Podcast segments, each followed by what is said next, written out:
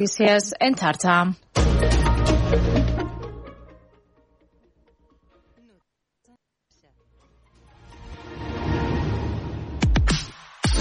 Obert per vacances. Busca'ns a la teva ràdio local.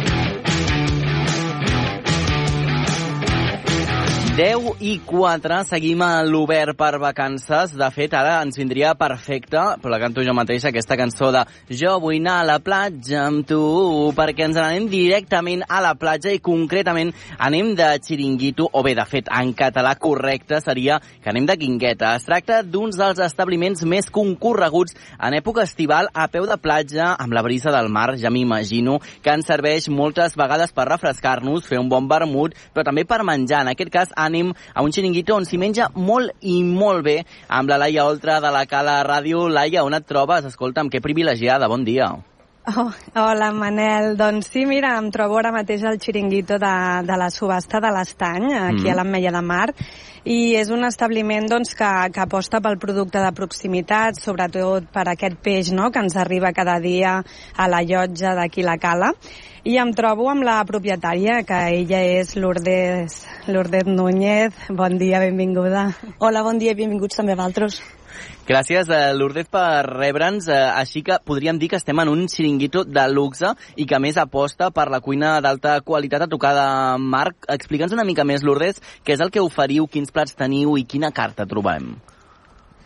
Doncs mira, nosaltres aquí al Xiringuito de la Subhasta de l'Estany oferim producte de proximitat, cuina, cuina d'aquí de la Mella de Mar i de Terres de l'Ebre, tant del mar com de la terra, per exemple, podem trobar una amanida amb set varietats de tomàquet d'aquí de l'aldea, d'un poblet d'aquí del costat, i com molt bé ha dit la Laia Oltra, mm. eh, també ens arriba cada dia el peix de la llotja del, de la nostra població i oferim doncs, peix d'aquí de la Mella de Mar, sardines d'o de, de, de, de, en Tarragona, tonyina roja a Balfegó, i amb, i amb el peix que arriba aquí de la llotja fem els nostres brous per a, per a aconseguir mm. els nostres arrossos. El suquet, no? I el, el suquet calero. Mm. És a dir, fugiu una mica del que serien els fregits, no? Uh, què no trobem aquí a la subhasta de l'estany? Quin plat no oferiu?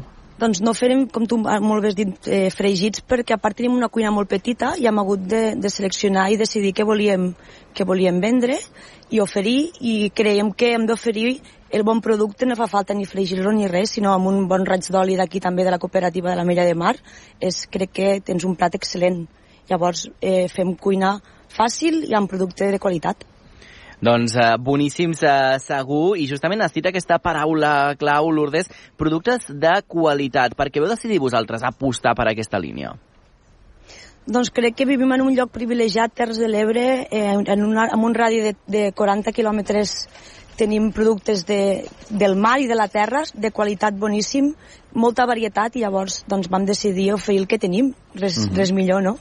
Uh -huh. De fet, el nom, la subhasta, ja intueix una mica que, que anàveu per aquí, no? És a dir, la idea d'oferir peix fresc ja la teníeu al principi. Doncs sí, el nom ve d'això. Realment la subhasta, tu vas a la, a la subhasta de peix, aconsegueixes el peix del dia i això ho, ho, ho portes al teu restaurant i ho transformes per, per donar producte de, de qualitat. Així és. Doncs això és sí que, eh, boníssim, que... eh, Laia?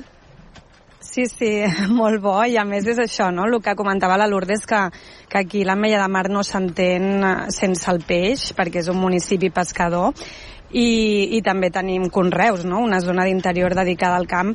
Per tant, també comentaves que teniu tomàquets, fruita fresca, verdures. Quin és el procés una mica per exemple, amb el peix, no? Aneu a la subhasta, a la llotja i, i veniu aquí a la subhasta de l'estany. Doncs mira, eh, quan és eh, baixa, temporada més baixa sí que podem anar a la llotja, però tenim pes, eh, peixaters de la Mella de Mar que ens porten el producte cada dia aquí al, al restaurant, matí i tarda, perquè també tenim pocs congeladors o poca nevera, llavors oferim el que tenim. Hi ha dies que hem de dir, pues, mira, això se'ns ha acabat, fins demà no ho tindrem, perquè és una guingueta de, de, 20, quilo, de, 20, de 20 metres. Mm. Llavors, oferim el que tenim al moment.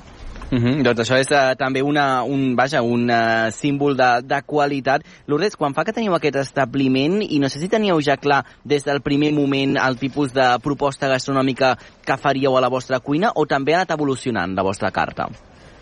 Doncs no, fa cinc anys que estem aquí a, la, a un port natural, que és un port magnífic. És l'antic port de la Mella de Mar, quan les embarcacions abans anaven, anaven a vela, paraven aquí a este port, que és un port, un port petit, i vam tenir clar des del principi perquè bueno, jo vinc d'una una família de pescadors i a casa meva sempre s'ha menjat peix fresc i era que al final també vols oferir el que tu has viscut des de, des de sempre, no?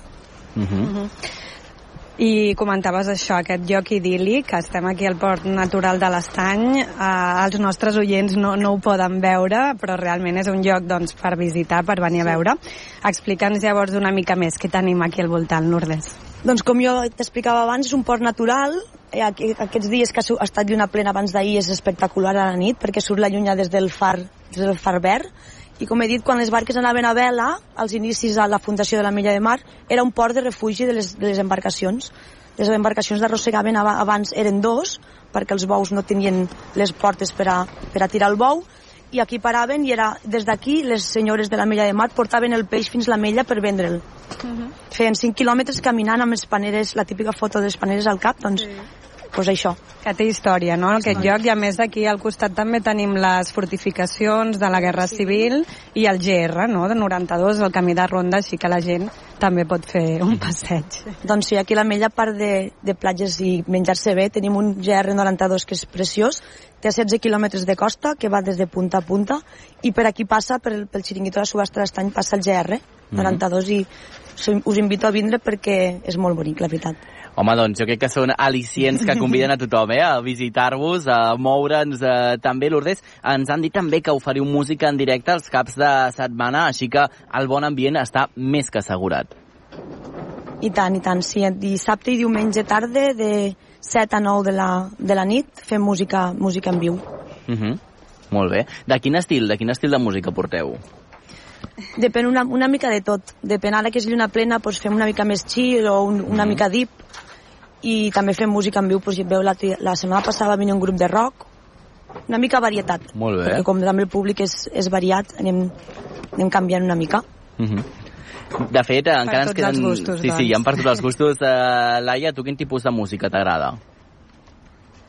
Bé, a mi una mica de rumbeta sempre ah, va bé, bé, no? Molt bé, molt bé, és veritat, fa estiu I a també. més també acompanya amb el xiringuito. Mm. Una anècdota, per cert, la Laia va venir farà dos anys a, sí. a tocar perquè ella canta, canta no molt bé. Home. Gaire alt. I va venir, i va venir. Llavors Lourdes, ho hem de dir també, sí, sí. M'acabes de donar a veure unes si pistes... Ah, que, que poc em coneixes, Laia, clar, m'has donat unes pistes que jo crec que no hi ha millor manera eh, de poder acabar aquesta connexió si acabéssim amb la Laia Oltra cantant-nos una mica del que tu vulguis. Pista lliure en això. No, home, no. Sí, pensa tu, mira, pensa tu, jo faig una darrera pregunta, faré una darrera a veure, pregunta. Si m'acompanyeu potser sí, vale. eh? però sola, Val, solista no. És que saps què passa? Jo et puc acompanyar i ho faré, ho, ho faré encantat, però saps què passa? Que em carregaré la teva cançó i la teva actuació estel·lar perquè sóc arrítmic, eh, no tinc veu, és a dir, és una cosa molt desastrosa, però nosaltres el que ens diguis et podem ajudar. Fem una cosa, pensa en la cançó, si em vols dir quina és, així m'ho vaig, em vaig conscienciant, què, què podríem cantar, Laia?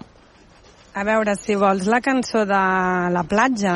Perfecte, del mic... De Stay Homes, de Stay Homes però perfecte. no me la sé massa tampoc. Val. Vols que te la posem de, de fons pel retorn i així ah, et, et clar, serveix de i guia? així la Lourdes sí? i jo... Val. Te la posarem baixeta perquè volem que la teva veu sigui la que predomina, perquè, a veure, entenent aquí que tenim talent uh, dins del nostre programa, Stay Home es queda una mica en segon pla, certament. Llavors, el Carles Soler, el nostre tècnic, ens està buscant la cançó, farem aquest final apoteòsic de festa, que serà meravellós, però abans deixa'm preguntar-te també, Lourdes, per l'ambient que genera amb, amb, el, amb la vostra clientela, no? Perquè suposo que al final arriba un moment que acaba sent família, no?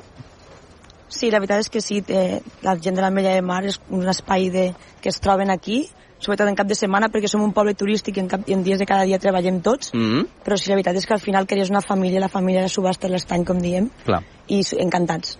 Doncs això és meravellós, eh? gaudir de- d'aquest eh, entorn privilegiat, eh, d'aquests eh, productes de qualitat quilòmetre zero i defugint també una mica doncs, d'aquests eh, fregits. Per tant, una proposta boníssima. I el que no sabíem nosaltres és que dins del nostre equip d'intrèpids redactors i redactores de l'Obert per Vacances teníem també tant de talent musical amb la Laia Oltra. Escolta, nosaltres ho tenim super a punt tot. Laia, um, no sé, nosaltres et posem la cançó i vas cantant per, per sobre. Jo m'he buscat la lletra Veig que ha sobrat una mica de temps de la connexió. no, que va, que va, que va. O sigui, és igual, avui encara que el programa l'haguéssim d'acabar a les 12 o la 1, jo per sentir-te cantar, Laia, em quedava aquí fins la 1 del migdia sense ningú tipus de pressa. Escolta'm, doncs, acabarem amb això, que et sembla, Lourdes. Espero també sentir la teva veu, eh?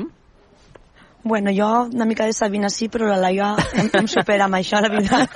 Va, doncs escolta, anem a aquesta actuació eh, estel·lar, podríem dir-ho directament, amb la nostra companya Laia Oltra de la Cala Ràdio, amb aquesta versió que farem en directe quan són les 10 i 14 a l'Obert per Vacances. Carles, música, va. Jo, jo, jo, jo, jo, jo, jo. Jo vull anar a la platja Ajudeu-me, eh? Val? i fer l'amor I després fer l'amor després dinar, plats bruts, tardeo de mojito, teteo amb el Benito, són bones vives, tot el faig amb tu. Perquè Tu, no... tu, i tu, i tu, i tu, i tu. No sé si de, ja de l'Aio una mica. Exacte, sí, sí, et deixem cantar tu sol, tu sola, Laia. Millor, millor. Va, a veure. A veure, la can... no la sento. Per anar a la cala Ara no d'ahir cala d'ahir i menjarem calipo, cervesa i solecito, fins que se'n faci de nit. Escolta'm, és, no me la sé massa, és és que m'havíeu meravellós. de posar el, el... m'havíeu de posar l'entradeta. Escolta, fem una cosa. La lletra, si tens la lletra La en mà, si tens la lletra en mà, et serà més fàcil potser cantar-la, no? Sí, vinga, O què? ara a veure si, si, val, a veure si pots trobar la lletra i fem el, la tornada. Jo, jo, jo vull anar a la platja Jo vull anar a la platja amb tu i fer l'amor després dinar plats bruts. Tardeo de mojito, teteo amb el Benito, són bones vives, tot el faig amb tu. Només puc pensar En tu, i tu, i tu, i tu, i tu.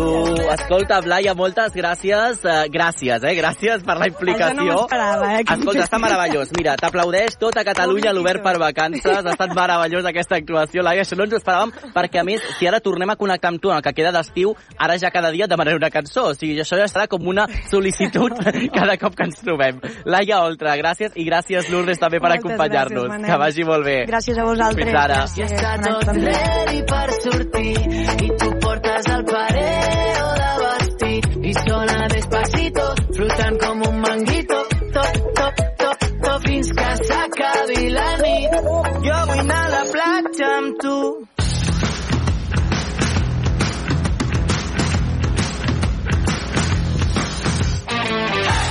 Va, passa un minutet d'un quart d'onze del matí, ho tenim tot, música en directe, tenim show, tenim ganes, tenim informació i ganes d'aprendre moltíssim. Ens aproximem ara cap a l'ofici de fer pa i a la seva història. Avui en Jordi Morera visita Cal Mosso, un obrador centenari que ara porten els germans Anna i Andreu Galceran, bons amics també, eh? de la sisena generació. Recordeu que si sou panarres, en teniu tota la informació a la xarxa més i també al Baresme, a Premià de Mar i a Vilassar, on trobareu justament Cal Mosso i també a la xarxa més la versió televisiva del Terra de Pa.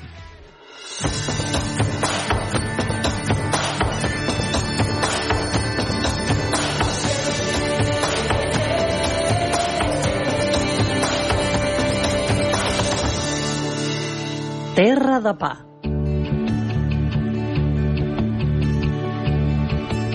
Al peu de la serralada litoral, a la comarca del Maresme, trobem Vilassar de Dalt, una vila mil·lenària que va créixer al voltant del castell de Vilassar del segle X i de la parròquia del segle XI, i a on els carrers costeruts i estrets de la part antiga parlen del seu origen medieval. I en un d'aquests carrers hi trobem Calmosso, on elaboren pa fet artesanalment i cuit en forn de llenya des de 1838. Al capdavant hi ha els germans Andreu i Anna Galzeran, que són l'últim relleu de més de sis generacions. Però millor que ens expliquin ells, no? Doncs som-hi.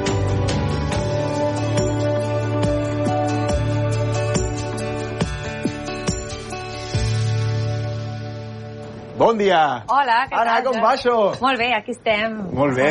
Quina xulada de botiga, eh? Sí, està molt bé. Que guai. I els Sí, pans sí. aquests, quina pintassa tenen. Sí, aquí tenim el pagès, els especials de cada dia. Ei, vull veure com es fa això, eh? Doncs pues vinga, cap a dins, que està l'Andreu allà Sí? esperant-nos. Sí. Vinga, som-hi.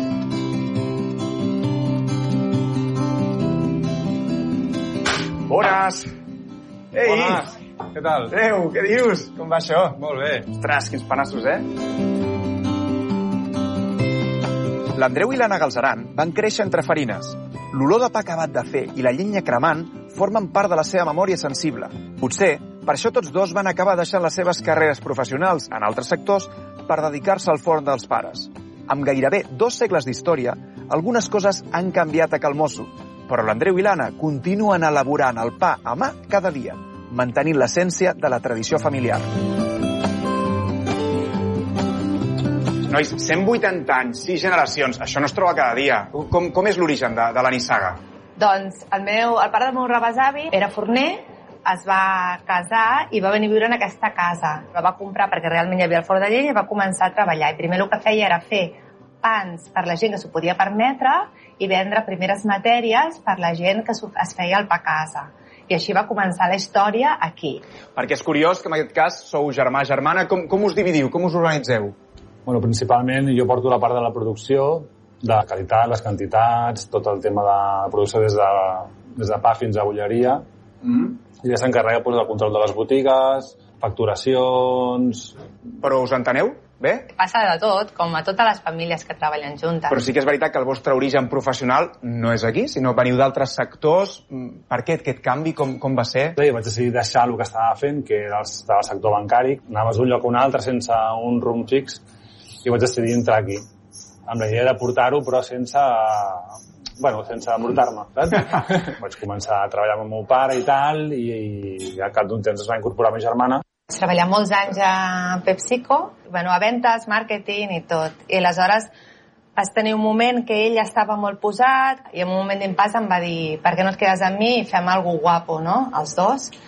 I, i de seguida vaig dir que sí. Quina és una miqueta la- l'essència de, de Calmosso, del vostre, la proposta del producte? Fem productes per tothom, o sigui, per nens, per gent que vol menjar més sa, gent que vol un producte més, més del dia a dia. Per mi el més important és explicar-ho molt bé als, a la, als meus clients, a la gent que, que ve dins, i saber molt bé què és el que busquen i què necessiten i poder oferir, per mi és la clau. Abans de fer el pas, et vas formar a diferents escoles, a Richmond, a l'escola de Sabadell.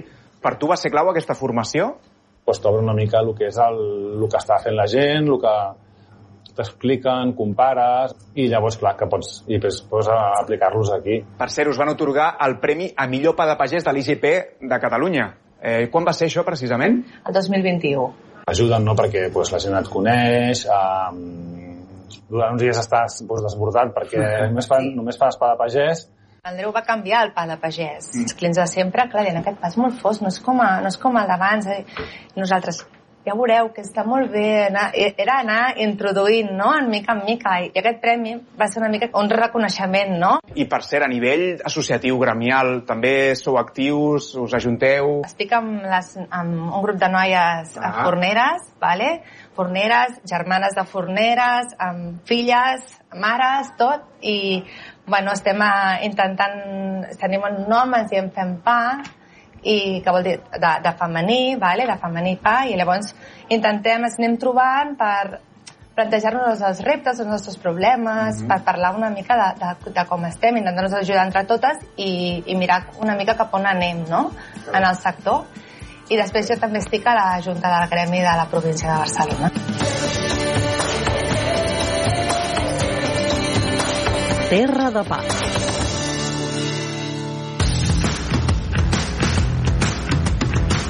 Qui no voldria, eh, que el Jordi Morera li fes una barreta de pa? Escolta'm, doncs, per conèixer tots els secrets del Terra de Pa, els podeu trobar ja també en la seva versió televisada a la nostra plataforma preferida. Que encara no està subscrit, corre ja cap a la xarxa més. Obert per vacances. A la platja, a la muntanya, a la teva ràdio local i també a la xarxa més.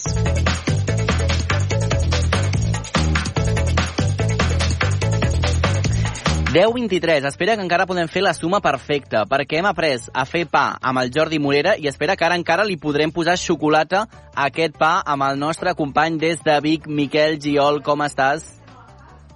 Doncs molt bon dia, Manel. Estem molt bé. Mm -hmm. Avui, precisament, he sortit a visitar i estic en el passeig de Vic, que em sembla que encara no hi havien vingut cap dia. No? Avui la, la bona olor m'ha portat a entrar en una pastisseria i després he descobert perquè era així. Més que res, perquè no és una pastisseria qualsevol. Uh, fa poc va guanyar la fava de cacau del 2021 i ara veig aquí també que tenen el guardó de la fava d'or del Carai. 2023 i però no és casualitat de que ho tinguin uh, que la pastisseria uh, tingui tots aquests guardons perquè aquí és el pastisser en cap de- d'aquí és ni més ni menys que en Lluc Cruselles el coronat com el millor xocolater del món al World Chocolate Masters del 2022 que es va celebrar a París i avui hem tingut la sort de que ens ha atès aquí la pastisseria per poder parlar una estona amb ell bon dia Lluc, i què tal, com va tot?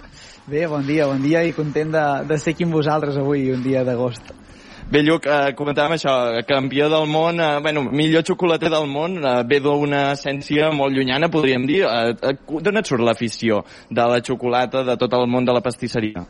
La veritat és que no, no em ve d'herència familiar, o sigui, el meu pare té una empresa de jardineria i ma mare és assistent social, però sí que tot el, el món de l'astronomia m'a- m'agradava, ja, però sí que, bueno, sense, sense cap més in- interès, no? Jo volia ser ciclista de petit, no? Aquells somnis que volem ser esportistes professionals. Mm. Però, però bé, tinc un cosí que té un restaurant, vaig anar alguns caps de setmanes allà, vaig passar un estiu allà, i realment eh, em va començar doncs, a, a picar la curiositat d'aquest món. Vaig provar el que són el tema postres i vaig veure que era un món doncs, molt creatiu, eh, que a més a més doncs, transmet felicitat al final quan la gent menja postres o xocolata no veus gaire ningú trist i va ser un doncs va, llancem-s'hi, eh, m'agrada i, i a provar-ho, no? I a partir d'aquí, quan tenia això 17, 17 18 anys, va ser quan vaig començar a endinsar-me en aquest, en aquest bonic món. I quan vas veure que realment tenies un talent, que, gaire, que tenies aquest punt que donava una... Bueno, que tenia més toc eh, als teus pastissos, a les teves obres, que, que li donaven aquesta màgia. Bé, al final no era un pensament així de no, jo vull arribar a això, no, era el, el dia a dia, el voler millorar, el voler també intentar que aquí a la comarca, que, que al final no som Barcelona, no, no hi ha tantes coses eh, eh, de tendència o, o així, doncs intentar buscar aquest punt de diferenciació, de voler millorar, de voler adaptar-nos, de voler buscar coses diferents de cada dia, de cada època de l'any, i, i va ser que això que va fer que mica en mica anar evolucionant i anar forçant a, a buscar coses noves. Mm -hmm. De fet, eh, Lluc, eh, bon dia. Eh, què t'ha portat també aquest premi al millor xocolater del món? Perquè suposo que la bona feina, escolta, si està per justificada amb un bon reconeixement, amb un premi, això també t'aporta, suposo, prestigi, no? I no sé si també més feina.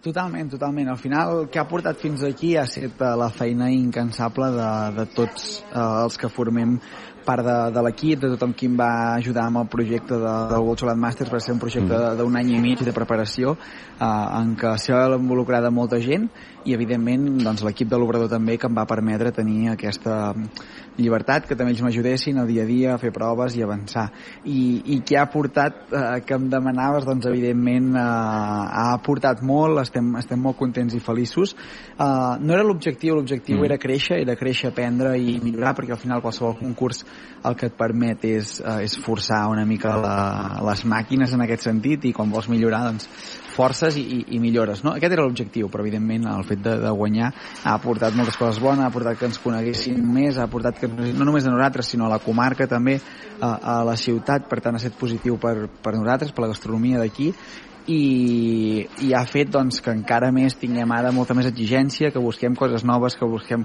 forçar més i al final és un peix que es mossega la cua que el que fa és millorar dia a dia i anar a buscar coses noves, per tant és molt positiu el resultat. Mm -hmm. De fet, eh, Lluc, ens parlaves ara de la feina prèvia que va haver aquest eh, premi, també de, de l'equip. Eh, com va ser? Explica'ns una mica aquesta preparació del concurs, d'un concurs tan gran d'aquestes dimensions. Doncs la preparació va començar un any i mig abans, eh, en el moment en què teníem les bases del concurs.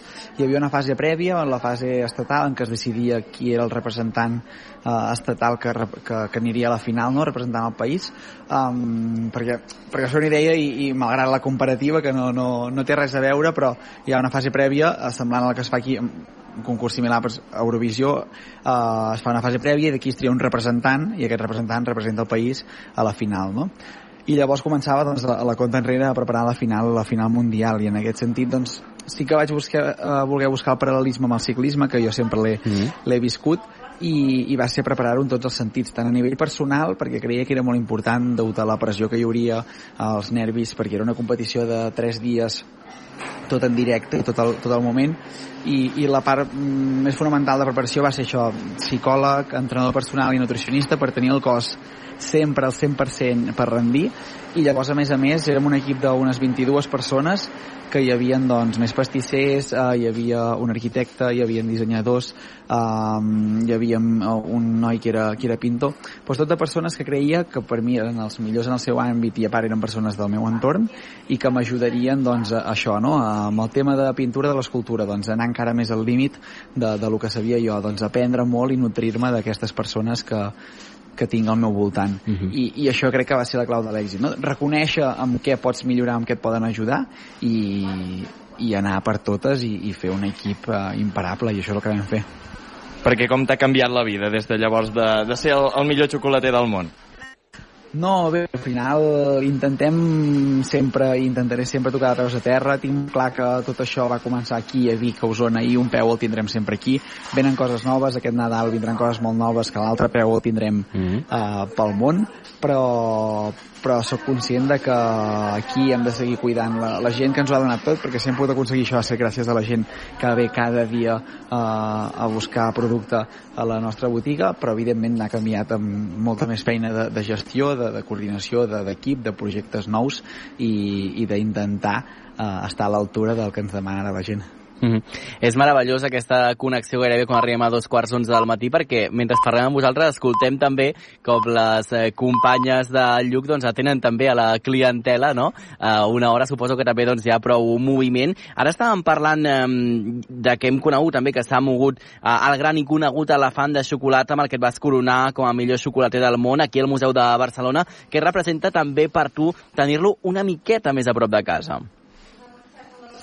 Bé, al final és un orgull, són coses d'aquestes que han anat passant, que crec que n'han passat tantes i tan concentrades que segurament no en sóc conscient, però tenir un, una creació teva uh, al museu de, de la teva capital estigui allà i que pugui veure tothom i que a mi els turistes que venen a l'estiu doncs, puguin uh, veure'l i, i contemplar-lo, doncs al final és un orgull i, i és una, una petita part de, de història que deixem, no? I al final poder aportar alguna a nivell de cultura uh, al llarg de la nostra vida, doncs, què més bonic que això.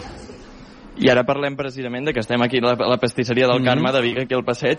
Uh, què, a la pastisseria, uh, quins tipus de productes oferiu a la gent? Uh, que, que, suposo que no oferiu elefants de xocolata de tothom, però què, què és el que uh, principalment els oferiu?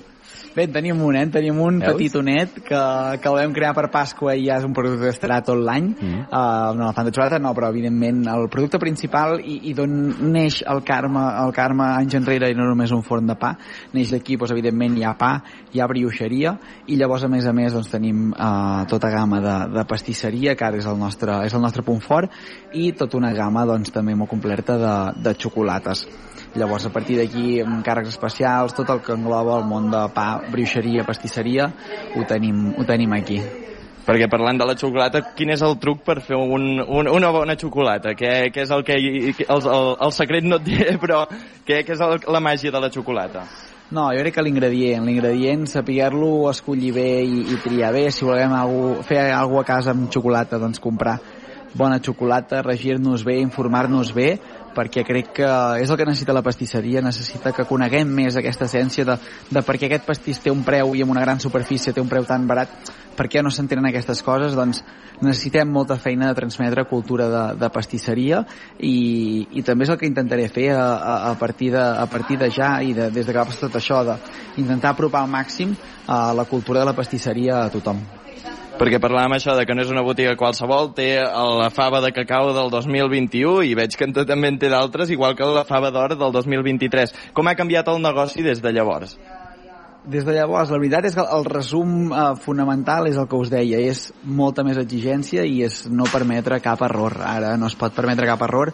L'equip eh, n'era conscient i n'és conscient i també ha estat una motivació per tots. Al final, una cosa porta l'altra i un premi així doncs, eh, motiva l'equip, això fa que l'equip, el producte surti molt millor, eh, tothom vingui a treballar content i, i feliç i, i fa que sigui un ofici encara més bonic de, de lo que és, no? però al final el resum de tot és exigència perquè els clients venen aquí i venen a la botiga eh, feliços de que vinguin i ells feliços de venir i volen que el producte estigui perfectíssim i així intentem fer-ho dia a dia. Mm -hmm. De fet, eh, Lluc, ens deies que el fet de guanyar aquest eh, premi també eh, t'atorgava la responsabilitat no? de, de fer difusió i d'oferir cultura també doncs, sobre el món eh, de la xocolata, de la pastisseria, eh, que és importantíssim. Eh, en què notes tu que encara falta que la gent ho conegui molt més? No Feies aquesta referència al preu que la gent doncs, comparava directament, no? un lloc que pots comprar una gran superfície, que potser és més econòmic, no? i a vegades vegades la gent només es regeix per al, per al preu. En què hauríem encara d'aprendre més al, al poble de peu de carrer sobre el món de la xocolata i de la pastisseria?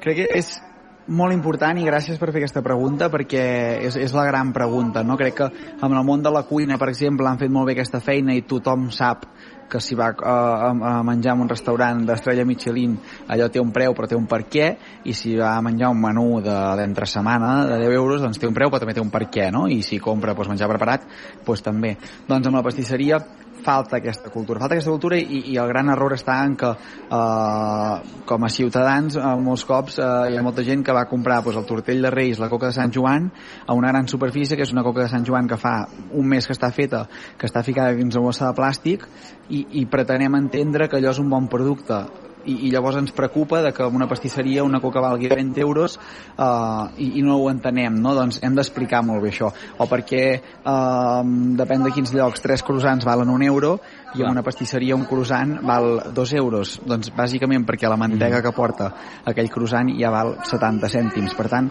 és impossible que tres croissants puguin valdre un euro Llavors, són lògiques així aplastants que les hem d'explicar i, i l'única feina que tenim és explicar-la i és normal que, que, que no se sàpiga aquesta informació perquè segurament no hem sabut explicar-la explicar bé, però com, com al final quan ens volem comprar un producte i ens volem assessorar bé o ens volem comprar un cotxe anem al concessionari, doncs si volem comprar un, un, un pastís anem a la pastisseria i deixem mm. assessorar bé per, per els treballadors que hi ha allà, pels pastissers que hi ha allà i pels professionals de, del sector. Crec que és el més important que hem de fer perquè en relació a això, per, suposo que és un valor de la xocolata, uh, aquí la pastisseria quins valors teniu a l'hora de treballar-la? Evidentment, primer de tot origen, intentar ser conscients una mica amb, amb què consumim, què gastem i, i no només eh, la xocolata, sinó tots els ingredients que es veuran involucrats, sigui fruit sec, sigui eh, el que sigui, doncs intentar ser conscients de, de, de què fem i, evidentment, eh, prioritzar la qualitat màxima i, i extrema. Si, evidentment, no farem servir una cosa que tenim a, a, a un quilòmetre si sé o som conscients de que allò no té qualitat, no? Evidentment, hi ha buscar la, la màxima qualitat possible, doncs prioritzar això en, en tots els sentits i els processos que, que siguin el més nets i els més purs possibles perquè ja, Anna, de cara al futur ens comentaves que pel Nadal venen, eh, bueno, ve algun projecte així. T'atreviries a donar-nos alguna pista de cap on van les coses? Sí, evidentment, evidentment. Uh, en podem donar informació ja perquè tot està agafant molta forma i si tot va bé a l'octubre, doncs uh, sortirem amb la nostra marca de xocolates. Uh, estarem, com deia, un peu a Osona perquè el punt de producció estarà aquí a Osona i, i tindrem botiga pròpia aquí. Uh, però, a més a més, sortirem, sortirem pel territori i sortirem amb ganes de transmetre transmetre això, producte, qualitat i, i una manera d'entendre el món de la xocolata. Home, doncs eh, serà meravellós eh, tot això que passarà en els propers mesos. Tant de bo que puguem també seguir-ho nosaltres. Escolta'm, Lluc, t'hem de demanar una cosa perquè el Miquel Giol, que és el nostre company, és molt tímid, però si no ho faig jo, ell no ho farà. Creus que podríem donar-li de provar una mica de la vostra xocolata en directe perquè reaccioni en directe a aquesta experiència? Home, evidentment, evidentment. Mira, agafo jo el micro Vinga. i anem cap aquí, perquè just les tinc aquí davant, li donem una mica de xocolata amb llet. Va, s'ha guanyat, s'ha guanyat, sí, ho ha dit, ho ha dit, que la seva, la que li agrada és amb, amb llet. Sí, sí, té molt bona pinta, eh? A veure. Ojo. Aviam, ja li deixo obrir l'anell, que... Oh. Així... Hem canviat, hem canviat els papers, eh? Hem canviat els papers, ja estic jo amb el micro. Fas molt bé. Lluc. No, no, té, té molt bona pinta. Jo també sóc de xocolata amb llet. Abans Va, doncs, al tot. principi. Tota aquesta per tu, eh? Merci, doncs. Aviam, aviam. A veure, a veure. Ja l'ha ja trencat. tros. A veure, No sé si sentirà, eh? No és com les patates A veure, fregides, provem. però puc dir que és molt bona. Això, això sempre. això sí. No, no, està molt bona, està molt Està bona. molt bona. La veritat és que es nota que l'ha fet el millor xocolater del món, això sí. No ho diguis per quedar bé, eh, tampoc. Quina No, enveja. no, T'ho prometo que està molt bona, està molt bona. Quina enveja sana ara mateix. Moltes Eh, gràcies. em traslladaria ara mateix, eh, Lluc, eh, cap al vostre establiment per provar-lo, eh? Ja ho sabeu, com vulgueu, és casa vostra. Doncs eh, convidadíssims. Per cert, Lluc, una pregunta ràpida abans d'acabar. Quin és el tipus de xocolata que més es ven? Perquè jo li deia al Miquel al principi del programa que m'agrada molt eh, la xocolata negra pura gairebé i amb, amb llet. Quin és el que més veneu? Sí, el que es ven més és una negra que tenim 75%, Molt bona. i, i llavors hi ha la amb llet, evidentment, pel consum a nens i, i Mhm. tot plegat. I llavors també sí que és veritat que la, la demanda de xocolata negra i sal uh, Oh. també és un, un de, d'això, però és real que la negra, 75%, és la, la que més consum té. Home, No li aquesta diguis gaire, sal- Manel, que vindrà de sí, cap, Sí, eh? amb aquesta sal jo crec que ja em tens guanyat. És a dir, si feu enviaments a, a, domicili, a domicili, eh, ara mateix m'hi poso. Lluc, moltes gràcies per acompanyar-nos i gràcies. Miquel, també per, per aquesta estona de, de ràdio. Que vagi molt bé. A vosaltres. Fins ara, adéu.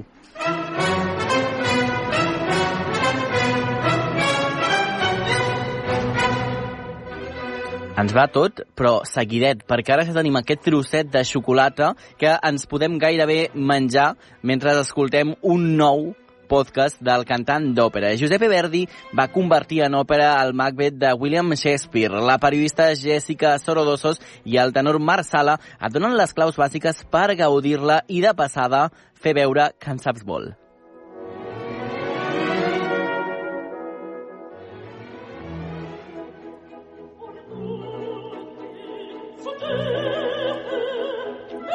A veure, Jessica, tu i jo que tenim una edat, tu recordes el concurs mm. de la televisió, el 1, 2, 3? Sí, tant. doncs mira, aquest concurs hi havia la prova que deien, eh, per exemple, si el fem ara tu i jo, a veure quantes obres de Shakespeare ens venen al cap. Ai, quina por. I aleshores eh, deien, per exemple, Romeo i Julieta, 1, 2, 3, responde otra vez. Uh, eh, Hamlet, un, dos, tres, responda otra vez. Ah, no, això ja ho deien... Ah, vale, no? ja, vale. Veus, és que jo, Però, jo soc no, més no, jove. No, que no, això és una vegada ja està, ara només Vale, hem de dir si no tu tu un jo. Vale, És que necessitava temps per pensar, Marc. Val. Endavant. Què has dit? Hamlet. Doncs Hamlet. jo dic Otelo. Uh, el mercader de Venècia. Mm, eh, I ara m'has pillat. Sí, espera, espera. Ah, la, eh, Somni d'una nit d'estiu. Ah, perfecte. I Macbeth? I Macbeth, també, que és la que estem sentint ara. I és, una, a més, una òpera, de la qual ara en parlarem, farem 5 cèntims. Mm -hmm. I què hem de saber d'aquesta doncs bé, obra? si, si, no coneixes, si no coneixes Macbeth, Uh, has de saber que en aquest cas estem parlant de l'òpera en quatre actes de Josep Verdi amb llibret de Francesco Maria Piave i Andrea Maffei. És la primera òpera de Verdi basada en una obra de Shakespeare. Eh? Verdi sempre va voler posar música a les obres de Shakespeare, es sentia molt atret, aquesta va ser la primera vegada. Ho va intentar també amb Rei Lear, cosa que no va succeir, no va acabar a fructificar, però al final de la seva vida sí que el van temptar quan ja tenia no sé quantíssims anys, ja era molt gran, Mhm. i que ja no volia escriure més òperes, van dir, però i si fessis Otello? Oh. Va Otello, i va fer Otello. I després encara va fer Falstaff, que està basat en les alegres comares de Windsor, també de Shakespeare. Verdi s'estimava molt aquesta òpera, deia que és la que estimava més, de fet, i la va composar mm, ja a punt a punt de fer-se famós del tot. Ell havia tingut, eh, estem parlant de l'any 47, ell havia tingut el seu gran primer èxit amb Nabucco, al Teatre de l'Escala, Mm. eh? Va pensiero solari... Bé, doncs Nabucco va ser un gran èxit, però aquí va començar a... a es va afiançar professionalment, però no era, no era tan famós, però, però sí que sí que va començar a fer moltes òperes molt ràpid, i és el que ell va dir que eren els seus anni di galera. Anni di galera, i què significa això? Ah, exacte, doncs... Hi ha gent que es pensa que són els anys de, de galeres, no?, de remar en una... No, és que en italià galera vol dir presó, els anys de presó, perquè estava empresonat escrivint eh, el màxim que podia per guanyar-se la vida, no podia triar els llibrets, feia el que li encomanaven, i la qüestió és que no va ser fins just després del Macbeth, que va composar la seva trilogia popular, del que hem parlat, Rigoletto, mm -hmm. Traviata i Trovatore, que el van consagrar com el més gran compositor d'Itàlia i potser d'Europa. Aleshores, eh, a partir d'aquí ja ell va començar a poder triar els seus temes, a espaiar els temps de composició, a cobrar més calés, i va ser el compositor més important d'Itàlia de tota la segona meitat del segle XIX. Verdi aquí ja mostra maduresa i experiència, té en compte el sentit dramàtic de la seva música, no és fer música bonica i punt, sinó que ja escriu el rol de Lady Macbeth, la dona de Macbeth, no per una veu bonica i melodiosa, sinó que ell va desitjar, va demanar que fos una veu aspra amb un toc diabòlic, el cito textualment. Mm -hmm. I escriu un rol molt exigent, com podrem sentir ara quan posem la música, en la cabaleta de Lady Macbeth, Or tutti sorgete, cantada per Maribel Ortega, la soprano Maribel Ortega, en aquesta producció de la Fundació Òpera a Catalunya amb l'Orquestra Sinfònica del Vallès, una gravació en viu que ens han cedit molt amablement la Fundació Òpera a Catalunya. Doncs, si us ha agradat i voleu escoltar més, no us perdeu el capítol complet de Macbeth i també podeu anar al perfil de Propera a Spotify on hi trobareu una llista de reproducció amb una selecció dels millors fragments d'aquesta òpera. Bona òpera! l'òpera.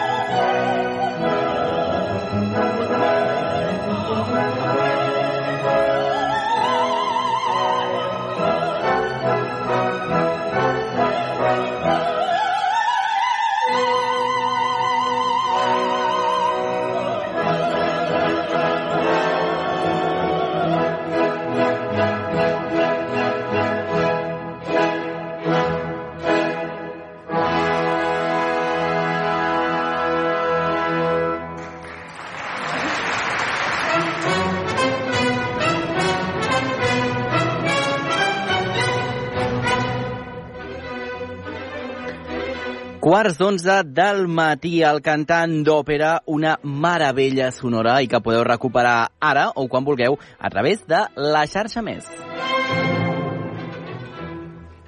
Obert per vacances, cada matí de 9 a 11 a la teva ràdio local.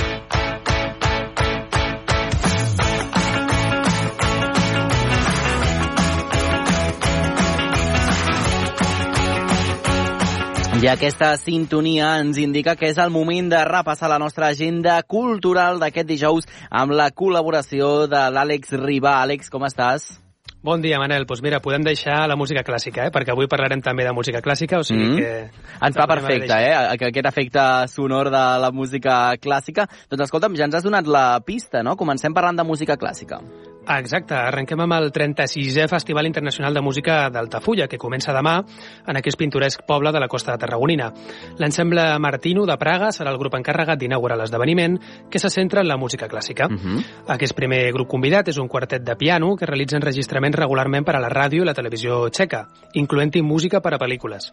Un dels plats forts, però, arribarà dimarts vinent amb un concert homenatge a Pau Casals. El codirector artístic del certamen, Claudi Arimany, assegura que el certamen s'adreça a un públic generalista i no només a experts en música clàssica. Uh -huh. Doncs escolta'm, uh, meravellosa aquesta idea uh, que podem sentir, de fet, no? Com ens expliquen com serà.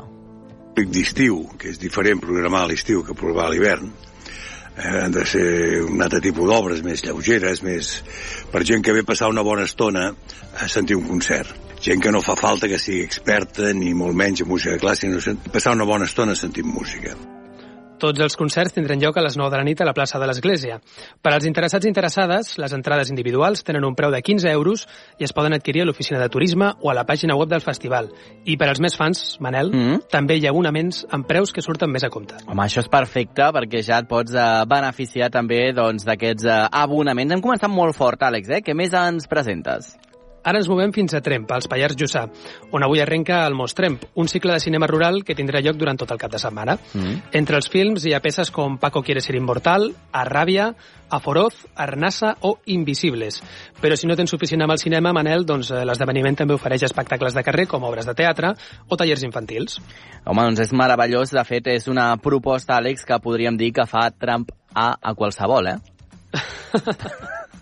podem seguir endavant, podem seguir endavant. Què més ens portes? Eh, doncs mira, acabem amb més música. I és que Mollerús acull des d'avui el Festival Minúscul, el qual ens oferirà concerts de pop amb artistes de proximitat, cada dijous durant l'agost.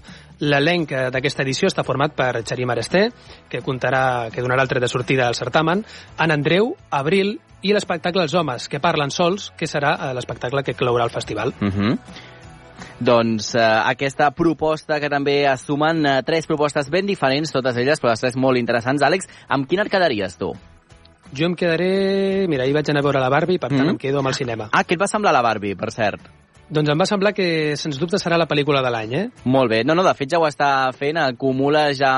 Eh, és la més taquillera del que portem segurament d'any i una de, de les més vistes segurament de, de la història més recent, segurament. De la història sencera potser no, però la història més recent segurament sí. I mira, doncs, eh, prou, prou interessant. Àlex, moltes gràcies, que acabis de passar un bon matí. Igualment. Adéu. Fins demà.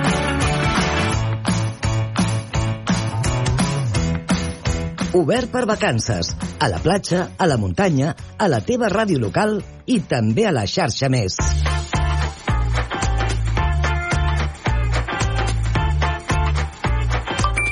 Onze minutets per arribar al punt de les 11 del matí. Seguim a l'Obert per vacances en rigorós directe. És el moment de saludar a l'Anna Gasol. Bon dia, Anna, com estàs? Bon dia, Manel. Molt bé, aquí tornant a esperar, que et trobo a faltar. Oh, i tant, mira, passa poca estona, però parlo més amb l'Anna Gasol que amb molta gent de la meva família, però que és una cosa que ja m'agrada i em sembla meravellosa. Anna, escolta, seguim acumulant respostes per al nostre concurs sorteig de la cançó de l'estiu, perquè demà és divendres i sortejarem mm -hmm. aquests 60 euros per la vostra targeta moneder de bon preu. Esclat que, de fet, Anna, eh, alguns dels primers guanyadors d'aquest estiu ja han començat a fer ús d'aquests 60 eurets, eh? I tant, perquè això és ràpid, eh? Mm. Tan, bon punt, tan bon punt sabem el guanyador, el maquinari es posa en marxa i ràpid a gaudir d'aquests diners. I, escolta'm, repassem Digue'm. on han d'enviar aquesta missatgeta. Perfecte. A veure, explica'ns-ho. Uh -huh. Al 628 841 055. Els nostres oients ens envieu aquí un missatge de veu al 628 841 055. Com sempre, dient el vostre nom, perquè així sabem qui sou, uh -huh. on viviu i quina és la vostra proposta de la cançó de l'estiu, que pot ser la que vulgueu. Eh? Exacte. Recordem que sí, no sí. és ha de ser d'aquest any. Uh -huh. De fet, tenim propostes de tot tipus. Eh? Abans aquella d'anunci de cervesa. Exacte, eh? sí, sí, sí, sí. O del duo dinàmico, vull dir que anàvem dels 80 fins ara. És Imagina't. totalment lliure, podeu uh, decidir la que vosaltres vulgueu d'aquest estiu, d'altres estius, o una cançó Mhm. que a vosaltres us transporti a l'estiu. No cal que sigui una cançó que estigui pensada expressament per l'estiu. Per tant, sou Ah, molt exactament. lliures d'escollir la cançó que més us agradi i ja, si ens la canten, Anna, jo crec que això és meravellós. Oh, i tant, ens acaben d'animar. Ens, fa, ens costa poc, eh, Manel? Oh, però tant. ens acaben d'animar. Ens arrenquem. Mira, jo no, no sabia que la Laia Oltra, la nostra companya de la Cala Ràdio, cantava i s'ha animat també a cantar. És a dir, si nosaltres no tenim vergonya, vosaltres encara menys. Exacte. Escolta, mira, que et fico uns quants exemples perquè si algú té Vinga. dubte de què ha de fer, que copiï. Hola, em dic Laura, eh, soc de Lleida i la cançó de l'estiu per mi és La platja de Stay Homes. Hola, bon dia. Soc la Carme de Premià de Mar. La Hola, meva Carme. cançó de l'estiu és Bailando d'Alaska. I per què? Perquè sempre que la sento venen moltes ganes de ballar. La ballava molt quan era jove i la segueixo ballant ara. Vinga, que us vagi molt bé. Adéu, Carme. Bon estiu. Bon estiu. Hola, em dic Rosa. Hola, Us escolto des de Badalona i una de les meves cançons de l'estiu és Oh, oh Julie, de Los Diablos. em transporta a la meva adolescència. Moltes gràcies, fins aviat. Ui, quin record. Home, Los Diablos va marcar una generació, Anna, eh? I tant. Anava a dir que la teva, però potser em poso en un embolic. Mira, jo diré personalment que a mi no em va marcar. No Val, D'acord.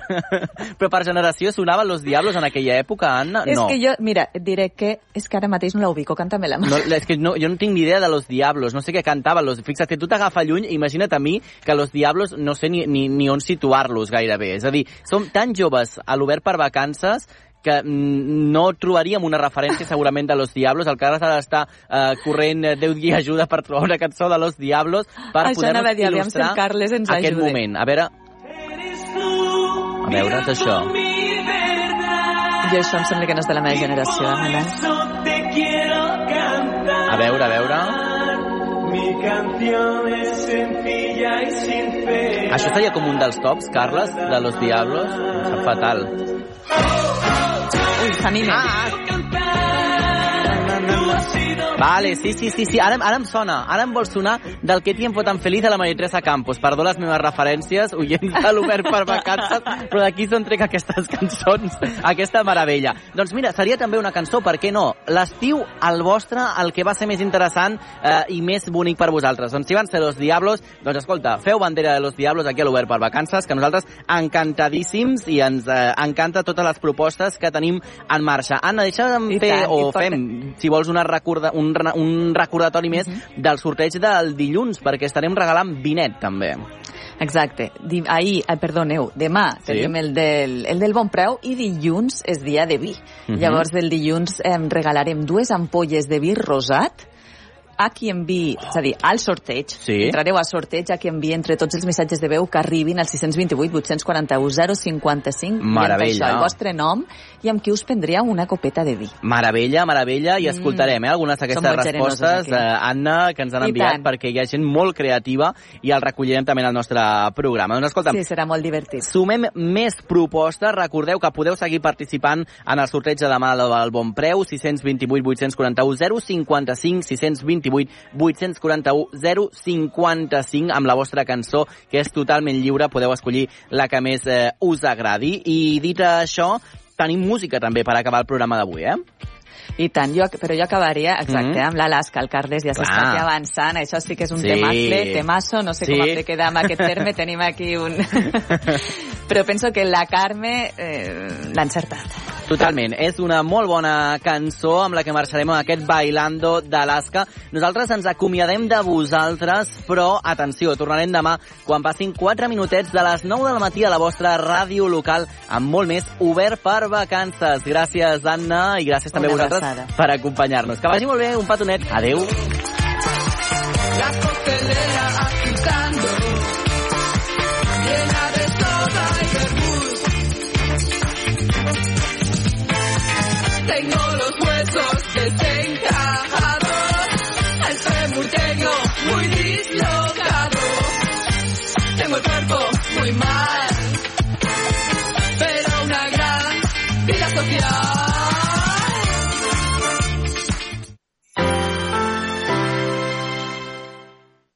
La xarxa de comunicació local. Propostes en xarxa. Ho sento de tot cor, creieu-me, però he decidit posicionar-me. Crec que hem assolit un nivell de confiança suficient per poder fer-ho. I és que no puc més amb la calor. Ho diré en veu baixa, però desitjaria que arribés de cop l'hivern. Però, però, he de reconèixer que és una bona època de propostes culturals, sobretot si tenen lloc de nit i a tocar de la Mediterrània. Tornarem a tocar el cel i tot tornarà a brillar. Els dies calorosos conviden a aprofitar les nits. Sol avall, fresca amunt, olor de mar i el far de Calella presidint la batllada. Calella de la Costa, al Maresme, eh? que no hi hagi confusions. Durant tot l'estiu, el festival Nits d'Estiu de Calella, el NEC, reparteix concerts, actuacions i espectacles per tot el municipi. Això no només us permet gaudir de la proposta en si, sinó visitar espais com el Far, el Parc del Mau, el Pati de la Biblioteca. Sota la llum de la lluna. Podeu rematar l'experiència en degustació gastronòmica. Fins l'1 de setembre passaran per aquests indrets emblemàtics una vintena d'artistes, com Martirio i el guitarrista Raúl Rodríguez, per posar un toc flamenc al far. Sara Roy, que hi portarà el seu pop rock d'autora, Meritxell Nederman, i escamparà el seu indie pop, De la Fe en format íntim i acústic, i Ramon Miravet amb nou disc sota el braç. A més a més, neix el NEC dels dissabtes per ampliar la programació amb Mireia Feliu i David Mangual o Paula Grande, entre d'altres. Fins l'1 de setembre, nova edició del Festival NEC, Nits d'Estiu de Calella. Podeu consultar totes les propostes al web municipal cadellabarcelona.com.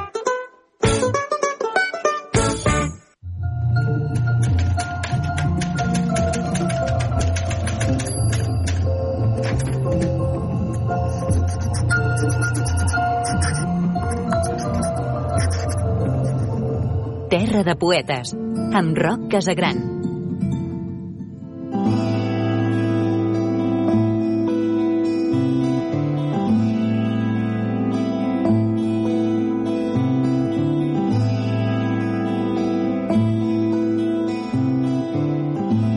Vent a popa, a tota vela, si Posidó se'ls revela. Cent canons a cada banda, porta el capità pirata del Pentàgon. La fregata per Istanbul sentinella d'Occident i la cimera, ben servida, a la safata.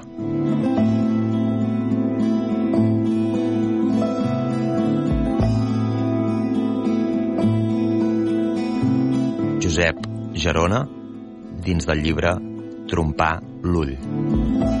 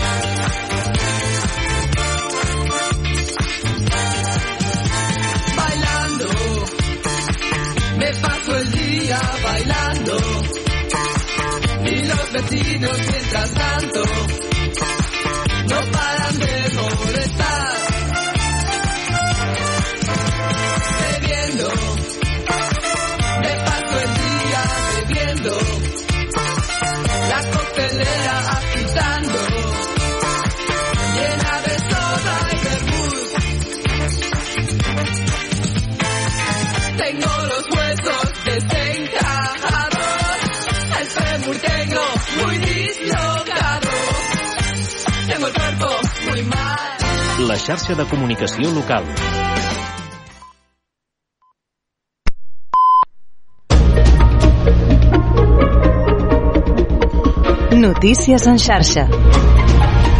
Bon dia, són les 11. Us parla Maria Lara.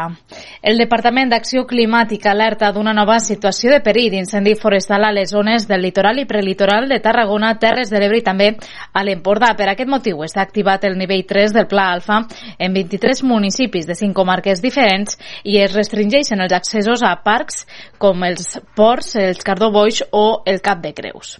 El vent de certa intensitat i humitats baixes i a les zones amb una sequera acumulada important fa que es donin circumstàncies propícies per als incendis forestals de ràpida evolució. La previsió és que de cara al diumenge la situació millori.